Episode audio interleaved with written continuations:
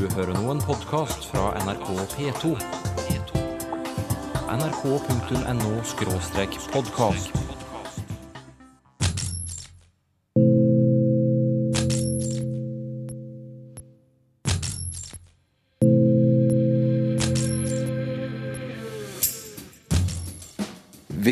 kan knytte det til um, et bestemt årstall og en bestemt bok. I utgangspunktet så begynte det nok rett og slett på den måten at uh, den norske påsketradisjonen med skiturer og appelsiner og uh, ikke minst hytteturer det har nok vært med på å forme da denne spesielle skikken. Eh, Men det er noe med at det som på en måte sitter i veggene på politihuset eller i min egen eh, ryggmarg, da, det blir med inn mellom, eh, mellom bokpermene. Og så har jeg jo levd, altså jeg har jobba som etterforsker i, i, snart 20 år, og det er jo et liv som på mange, eller en jobb da, som på mange måter har forma livet mitt, og det bærer nok også bøkene mine preg av.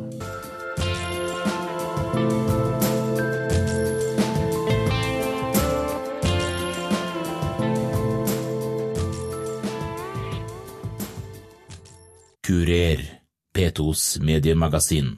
Kurer denne gangen skal egne seg til det norske fenomenet påskekrim. I god tid før påske bærer forlagenes annonser preg av det. I avisene legges det også opp til forhåndsomtaler om de forskjellige kanalenes utvalg av påskekrim, både i radio og TV. Tradisjonen med påskekrim er norsk og skriver seg tilbake til 1923. Det sier Nils Nordberg, som regnes som en av våre fremste eksperter på kriminallitteratur. Så var det altså sånn at to unge studenter, Nordahl Grieg, som siden ble den kjente krigslyriker og et nasjonalt ikon, eh, og hans venn Nils Lie, begge bergensere for øvrig, som da ifølge Nils Lie, han som har fortalt historien, gikk eh, på ski en vinterdag i begynnelsen av 1923. Eh, og som studenter flest så hadde de jo dårlig råd og snakket om at det kunne være greit å ha noen penger mellom hendene, og kanskje de skulle begå et ran på Bergensbanen. Men de innså jo samtidig at eh, det var et litt halsløst foretakende å gi seg kast med sånn rent konkret. Så de fant i stedet ut at de skulle skrive en kriminalroman som handlet om fattige unge studenter som eh, raner Bergensbanen. Eh, og de kom på en genial idé, eh, nemlig, og det var at første påskedag i 1923, det var 1. april. Det vil altså si at når nyheten om dette ranet ble sluppet, så ville alle tro i første omgang at det var en aprilspøk, og dermed så ville ransmennene da ha 24 timer ekstra på seg til å unnslippe. Så de skrev da denne boken, som de leverte til Nordahl Griegs bror, Harald Grieg, som var direktør for Gyllendal. Og jeg tipper at Harald Grieg var den som sa at her har jeg muligheten til å selge bøker til påske. Jeg kan gi dem kriminalromaner, her det er til og med en bok som foregår i påsken. Så han sa seg villig til å gi den ut på én betingelse. Pengene måtte betales tilbake. I det opprinnelige manuset så slapp studentene unna nemlig med pengene alt sammen.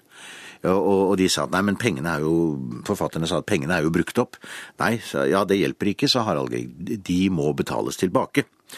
Så måtte de altså sette seg ned, jeg tror det var Nils Lie som gjorde det, og skrev et siste kapittel, hvor en av studentene sprenger banken i Monte Carlo og vinner så mye penger at de kan betale tilbake alt de har.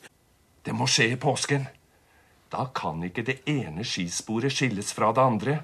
Og langs hele banen er terrenget gjennompløyd på kryss og tvers av påskehelter og buksedamer. Hver eneste hytte som det ryker av, hver eneste gjest på hotellene, vil fjerne mistanken fra oss. Ja, for faen, det må skje i påsken. Da slipper vi den nokså kinkige utveien å stoppe toget før Finse for å komme av. Med litt behendighet kan vi hoppe av i fart. Å, Gud, du er et geni! Bare synd at vi er to om det. Det kan pinadø bli i minste laget. Nå skulle jeg nesten ønske at jeg kunne slippe å spille poker hos biologen i kveld. Jeg har mest lyst til å gå hjem og ruge over planene. Død og pine. Ja, vi skal jo til biologen. Du, jeg er i et lyserødt pokerhumør. Det blir et spill som har vasket seg. Ja, kom igjen, da! Vi kan ikke la de fire bergensmusketerene vente. Dette var et lite utdrag av Radioteatrets dramatisering av Nordahl Grieg og Nils Lies roman 'Bergenstoget røvet i natt'. Romanen er fra 1923 og ble lansert på en noe spesiell måte, forteller Nils Nordberg. Og så ble boken lansert på den måten at eh, Harald Grieg kjøpte annonseplass rett under tittelen på avisene, det var vel Aftenposten, tror jeg. Eh, Rett under tittelen, en lang, smal Det så ut som en overskrift, nemlig en nyhetsoverskrift, hvor det sto 'Bergenstoget plyndret i natt'. Og så sto det med veldig små bokstaver 'Av Jonathan Jerv'. Og dette vakte en sånn oppsikt at opplaget på noen tusen, da 5000-6000, 7000, det ble utsolgt til påske det året. Eh, Og eh, jeg tror vel vi kan i grunnen si at altså, påskekrimmen gikk da fra å være noe folk eh, gjorde fordi det var ferie, og det passet sånn, til å bli en slags institusjon som vi har hatt med oss mm, videre oppover, eh, og som er unikt norsk. Eh, Det må ha skjedd noe, fordi at påskekrimmen som begrep var etablert allerede ganske få år senere. I 1941 ga eh, André Bjerke ut eh, sin første eh, kriminalroman, 'Nattmenneske'. Eh, signert Bernhard Borge. Bernhard Borge er også fortelleren i boken, og han presenterer seg som kriminalforfatter. Eh, skaperen av de urkoselige og dypt realistiske Theodor Todd-romaner, eh, og betegner seg selv som den faste leverandør til alle påskesekker i Norge. Så det er tydelig at når vi har kommet til 1940-41, så er dette gått inn i folks bevissthet. liksom Man, man, putter, man putter eh, kriminalromaner opp i sekken sammen med appelsinene, og da var jo Kvikklunsjen kommet også. Den kom 1937-38, eh, og ble da den nye turfavoritten. Så eh, allerede da, altså for eh, ja, hvor mye blir det? 70 år siden. Så påskekrimmen feirer jo faktisk eh, 90 år i år. Og så er inspektør Scott på farten igjen. Vi gir dem nok en gang anledning til å følge inspektør Scott ved Scotland Yard på oppklaring av en kriminalsak.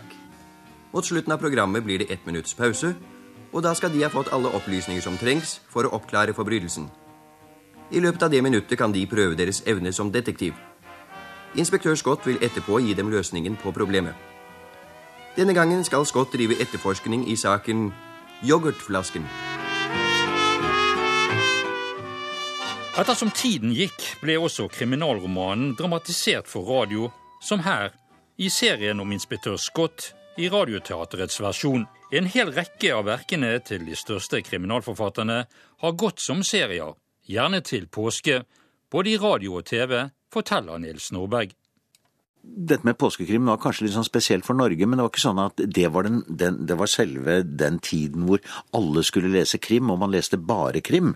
Eh, Så eh, påskekrimmen som moderne fenomen er delvis medieskapt. Altså den er skapt av journalisters interesse for fenomenet, som har vært med på å oppmuntre det. Eh, Den har vært forsterket, eller gjenskapt, eller ja, forsterket er vel det riktige uttrykket, ved at NRK, i første omgang NRK TV, begynte å sende krimserier i påsken. Det var vel rundt 1980. Eh, Adam Dalglish, seks episoder lange serier, hvor man da i stedet for å få én episode i uka, som jo folk var vant til, så fikk man én hver kveld. eh, Og kunne se en lang historie ferdig. Eh, Og dette var jo noe som de andre TV-kanalene, etter hvert som de kom, var raske til å følge opp. og eh, vi i Radioteatret, hvor jeg satt eh, den gangen, sa, fant ut at ja, det er klart vi må ha påskekrim. Så vi eh, begynte for alvor i 1983 å sende påskekrim. Og mye av det vi sendte da var for så vidt repriser. Det var ting som vi hadde liggende klart i arkivet.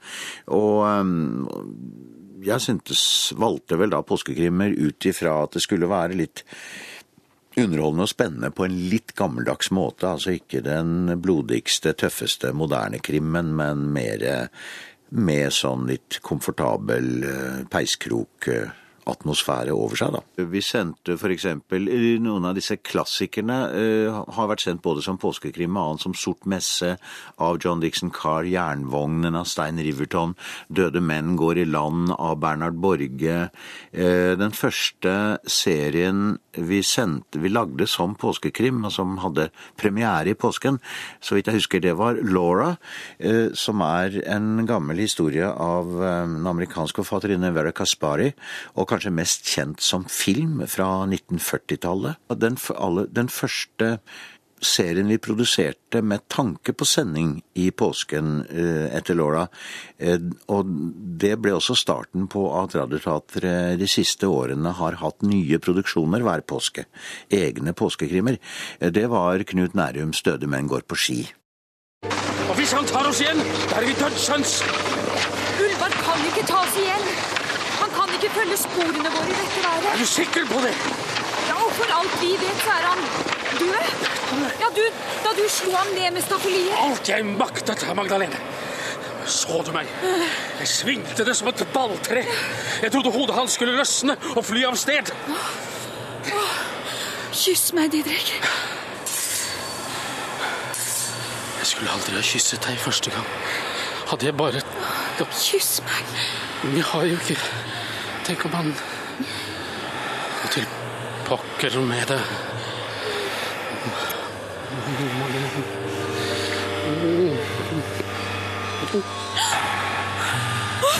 Ulvar!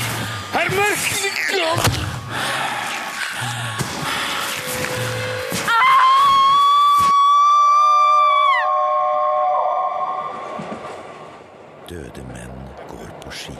Det var forfatteren selv da, som hadde ytret et ønske, på Skavlan, tror jeg, om at eh, Radioteatret og jeg da skulle lage hørespillserie av denne boken som han da hadde utgitt. og Det var vel en slags eh, oppfordring som vi ikke kunne la ligge, da. Så han dramatiserte den selv. Og var også med som snarest som togkonduktør. Og vi hadde veldig moro med å, med å lage denne historien, da. Opp gjennom historien har kriminallitteraturen slitt med sitt omdømme og blitt regnet som sekundærlitteratur. I løpet av de siste tiårene har det forandret seg, sier Nils Nordberg. De beste krimbøkene er fortsatt fullt på høyde og bedre til dels enn uh, ting som er blitt utgitt før. Uh, så det er klart at når, når, du på få år, som det har skjedd med norsk krim, da går fra rundt 20 bøker I 2005 så tror jeg faktisk det var 17 bøker som utkom, eh, til over 50 i 2012. Eh, så vil det jo nødvendigvis si at um, ikke alt er like bra, for å si det sånn. Jeg tror Altså, Det som kanskje er litt problemet i dag, er nok at man merker en viss sånn vi, Jeg vil ikke kalle det panikk, men en viss engstelse hos forlagene for å gå glipp av den ene boken som kanskje viser seg å være en bestselger. Sånn at jeg tror litt for mange manuskripter slipper igjennom eh, litt for fort. Eh, at eh, forfatterne ikke får nok motstand, ikke ikke får muligheten til å arbeide lenge nok med stoffet før det kommer ut. Og det er nok trolig at over, at 50 bøker er i meste laget, rett og slett for markedet. Men eh, i det øvre sjiktet av norsk kriminallitteratur så har vi jo flere virkelig gode kriminalforfattere enn vi har hatt noen gang før. En tredjedel av de bøkene som kommer ut hvert år, er som stort rundt, rundt regnet en tredjedel er eh, skrevet av debutanter. Som da i neste omgang kan vise seg å være ja, de nye stjernene, da, for å si det sånn. Jørn Lier Horst fikk Riverton-prisen, den høysthengende prisen for beste kriminalroman, for 2012 for sin roman 'Jakthundene'. Dette er hans åttende roman med etterforsker William Wisting som gjennomgangsfigur. Hans romaner blir omtalt som politifaglig sterke, noe som ikke er så rart når man vet at forfatteren selv er, ja, nettopp politietterforsker. Men hvordan bruker han så sin erfaring i bøkene? Ja, det, det, det, er egentlig sånn det er vanskelig for meg å svare på, for jeg, jeg går ikke veldig bevisst inn for det. Eh, men det er noe med at det som på en måte sitter i veggene på politihuset eller i min egen uh, ryggmarg, da, det blir med inn mellom, uh, mellom bokpermene. Og så har jeg jo levd, altså jeg har jobba som etterforsker i, i snart 20 år, og det er jo et liv som på mange, eller en jobb da, som på mange måter har forma livet mitt, og det bærer nok også bøkene mine preg av.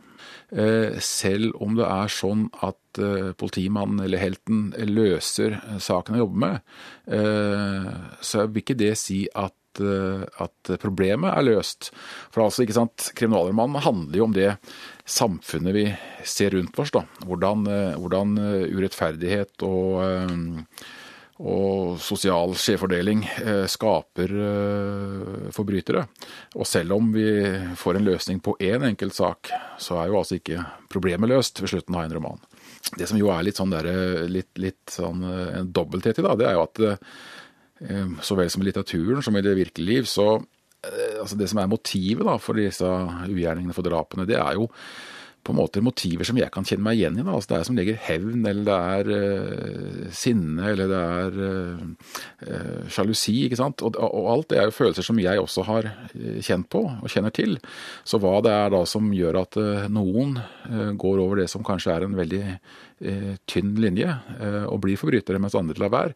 Det er en sånn dobbelthet som jeg eh, syns har vært spennende å utforske i mine bøker. Da. Men er kriminalromanen håper å si, ideell for oss å rette opp eller vende mot virkeligheten som et speil? Ja, ja. Eh, altså Krim handler jo om den verden som vi ser rundt oss. Eh, annen, annen skjønnlitteratur har jo en tendens til å være mer eh, innadvendt, med en søken mot sjelsliv og fokus, fokus på på enkeltpersoners uh, utvikling. Men, men historien om, om drap og flyttelse de har jo utspring i sosial urettferdighet, sosial elendighet, som vi alle sammen kan kjenne oss igjen i. Og sånn sett så har kriminallitteraturen en egen evne da, til å fungere som et sånt uh, speilbilde. Den har en tendens til å ja, kunne konfrontere samfunnet da, med seg sjøl. Men uh, de bøkene mine kommer jo også som resultater av hvordan jeg ser kriminalitetsutviklinga i eh, samfunnet, da, sett fra mitt ståsted som eh, etterforsker. Så, eh, så bøkene kommer jo som et slags svar på Ja, og jeg, og jeg liker jo ikke alt det jeg ser, ikke sant. Det er en sånn stadig mer brutal verden, en råere form for forbrytelser. Så de sakene som eh, William Wisting blir stående overfor, det er jo langt på vei eh, også eh, de utfordrende tidene som, som norsk politi står overfor. Hvor går kriminallitteraturen i dag? Er den potent og god, syns du? Eller er det Nå får vi jo flere titler enn vi noen gang har hatt. Altså, Krim er mer enn en sånn overfladisk underholdningslitteratur. da. Eh, strømmen av likegyldige krimutgivelser de den har snudd. Eh, og Det kommer forfattere nå som har høyere ambisjoner eh, enn som så. Og sjangeren har fått, liksom, fått en egen vitalitet og, og kvalitet over seg som, som tiltrekker seg lesere. Og som på sitt beste har en, en kunstnerisk verdi, altså. Los, Mann, reden Sie! Verstehen Sie kein Deutsch? Mamma! De her! Tyskerne! Vi okkuperade! Vi gir oss med en gang. Guten takk. Et lite hørebilde fra serien Rød snø, som gikk sin seiersgang blant norske og svenske TV-seere i 1985. Kari Marstein er redaktør i Gyldendal. Hva syns hun om kvaliteten og ikke minst kvantiteten på utgivelser av norsk kriminallitteratur per i dag? Eh, det er klart at eh, før påske er en tid på året hvor eh, forlag og bokhandlere og medier med god samvittighet kan vie krimmen veldig mye oppmerksomhet. Og det er klart at i forlagene, så hvis vi skal utgi krim på våren, så kan du være helt sikker på at den krimmen kommer før påske og ikke rett etter påske. Eh, antallet bøker eller titler som blir utgitt av norske forfattere har jo økt voldsomt de senere årene. Hvorfor tror du det? Det er jo veldig stor interesse for krim, da. Eh, fra lesernes side. Dette er, eh, det er ikke sånn at man kan utgi krim og selge den uansett, men det er Det er åpenbart at mange lesere syns de finner noe i eh, krimromanen. Og da er det jo sånn, man kan godt snakke om et velfungerende marked hvis man ser det på den måten, så fins det også et, god, et, godt tilbud av det. Og så tror jeg også det har noe med at dette er en selvforsterkende effekt, fordi etter hvert som krimmen Eh, får oppmerksomhet og har status og også er begynt å bli kvalitetsmessig veldig god, så vil det være flere flinke folk som søker seg til krimmen, som tenker at hm, en krimroman, det, det kunne kanskje vært interessant å skrive. Men dere leter fremdeles etter den ene, gjør dere ikke det som forlagene har gjort uh, gjennom alle år? Uh, vi leter etter den ene, og vi leter også etter de mange, for å si det sånn. Eh, så det gjelder for krimmen som det gjelder for de andre, at vi leter etter eh, talent. Hva, hva med fremtiden for, for kriminalromanen? Å, tenk hvis jeg visste det. For øyeblikket så er den jo veldig vital. Ikke bare i Norge og ikke bare i Skandinavia, men i, i hvert fall i Vesten. da. Det er stor interesse for krimhistorier. Men hvordan fremtiden ser ut her Jeg går ut fra at med en så stor bredde som fins, så vil kanskje krimmen etter hvert også muligens begynne å utforske forholdet mellom virkelighet og beskrivelsen av det. Sånn som den andre skjønnlitteraturen har drevet med Uh, nesten alltid. Uh, vi får inn uh, bortimot 1000 manus i året, og sånn ubedt, som det heter. og av dette så blir det et sted mellom tre og åtte debutanter vanligvis i året, så det er jo et ganske trangt nåløye. men jeg, vi blir veldig glade alle sammen, og, og en av de beste tingene man gjør i dette yrket, er jo å ta en telefon til en blivende forfatter og si at man gjerne vil ha et møte. Så langt redaktør i Gyldendal Forlag, Kari Marstein. Nils Nordberg er optimistisk med hensyn til fremtiden for norsk kriminallitteratur.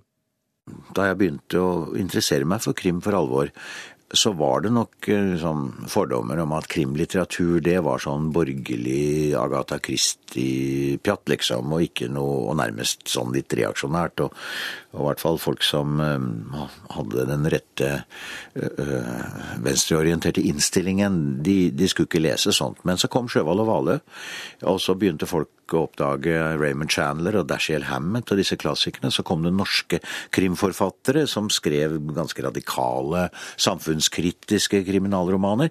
Eh, og det, ble, det oppsto en, en lesekrets som var enormt mye større eh, enn det hadde vært tidligere. Og eh, jeg tror Anne Holt brøt igjennom en barriere ved at hun fikk med sin tredje bok, da, som ble den store bestselgeren. Hun, hun slo igjennom hos mennesker som normalt ikke leste krim. Så jeg tror lesere i Norge er blitt De har så å si tatt krimmen inn i varmen, så de, de, leser den også. Altså Det å lese krimbøker er ikke lenger liksom noe sært eller noe på siden av det å lese vanlig skjønnlitteratur. Der har, nok, der har, det nok kanskje skjedd ganske store forandringer, da. Så den har fått en, en, en annen og ny prestisje som er, er velfortjent. Det er ingen sekundærlitteratur nødvendigvis.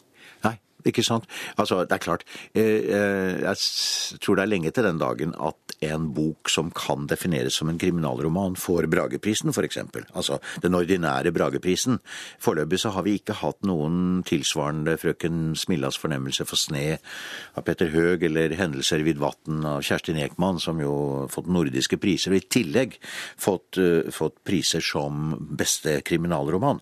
Men kriminallitteraturen er jo i høyeste grad blitt stuerein, altså, og det var den ikke da jeg begynte å, å interessere meg for den. Eh, jeg var jo med på de første seminarene på universitetsnivå om krimlitteratur, f.eks. Det var bortimot uhørt at man skulle ta krimlitteraturen alvorlig på den måten der. Det, eh, jeg tror ikke Den holdningen tror jeg er borte, liksom at den, den er en underlødig uh, sjanger i seg selv. Man, man må se på den enkelte bok liksom, for å si er dette god eller dårlig litteratur. Og da er en god, god krimroman er eh, like god litteratur som noe annet.